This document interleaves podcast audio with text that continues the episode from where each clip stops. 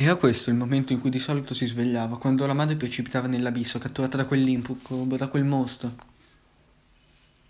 In questo momento Connor di solito si metteva a sedere sul letto coperto di sudore, ma in quel momento non si svegliò, perché il mostro gli disse che il racconto non era ancora concluso.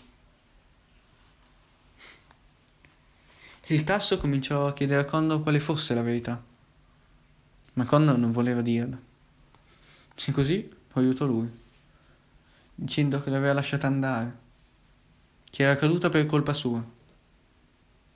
Ma il ragazzo no, non voleva sentirne, non voleva dirlo. Negava il fatto di averla lasciata andare al posto. Ma piano piano incominciò a cedere. Perché il mostro gli disse che poteva, che poteva dirlo, non glielo impediva nessuno. Connor sapeva, aveva sempre saputo Sapeva la verità, la verità vera, la verità dell'incubo. Alla fine il mostro lo obbligò a dirlo. Perché Connor allentò la presa e lasciò che l'incubo la prendesse. Perché Connor lo lasciava andare, poteva ancora tenere, ma non l'ha fatto. Poteva ancora resistere, ma ha mollato. Connor non, non riusciva ad ammetterlo, non riusciva ad ammetterlo chiaro e tondo.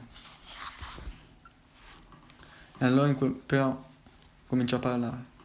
Un gemito gli nacque in gola, un gemito che si gonfiò in un grido, poi in un violentissimo urlo senza parole.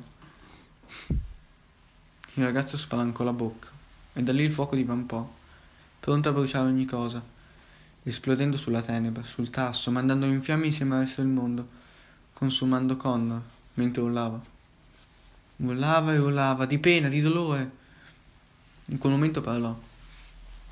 Disse la verità raccontò la fine del quarto racconto. Disse che non poteva più sopportare, che sapeva come sarebbe andata. Voleva solo che passasse nel primo tempo possibile, che finisse il prima possibile. E in quel momento il fuoco divorò il mondo, spazzò via tutto. Spazzò via lui con tutto il resto. Ma lui era felice, perché era la punizione che gli spettava.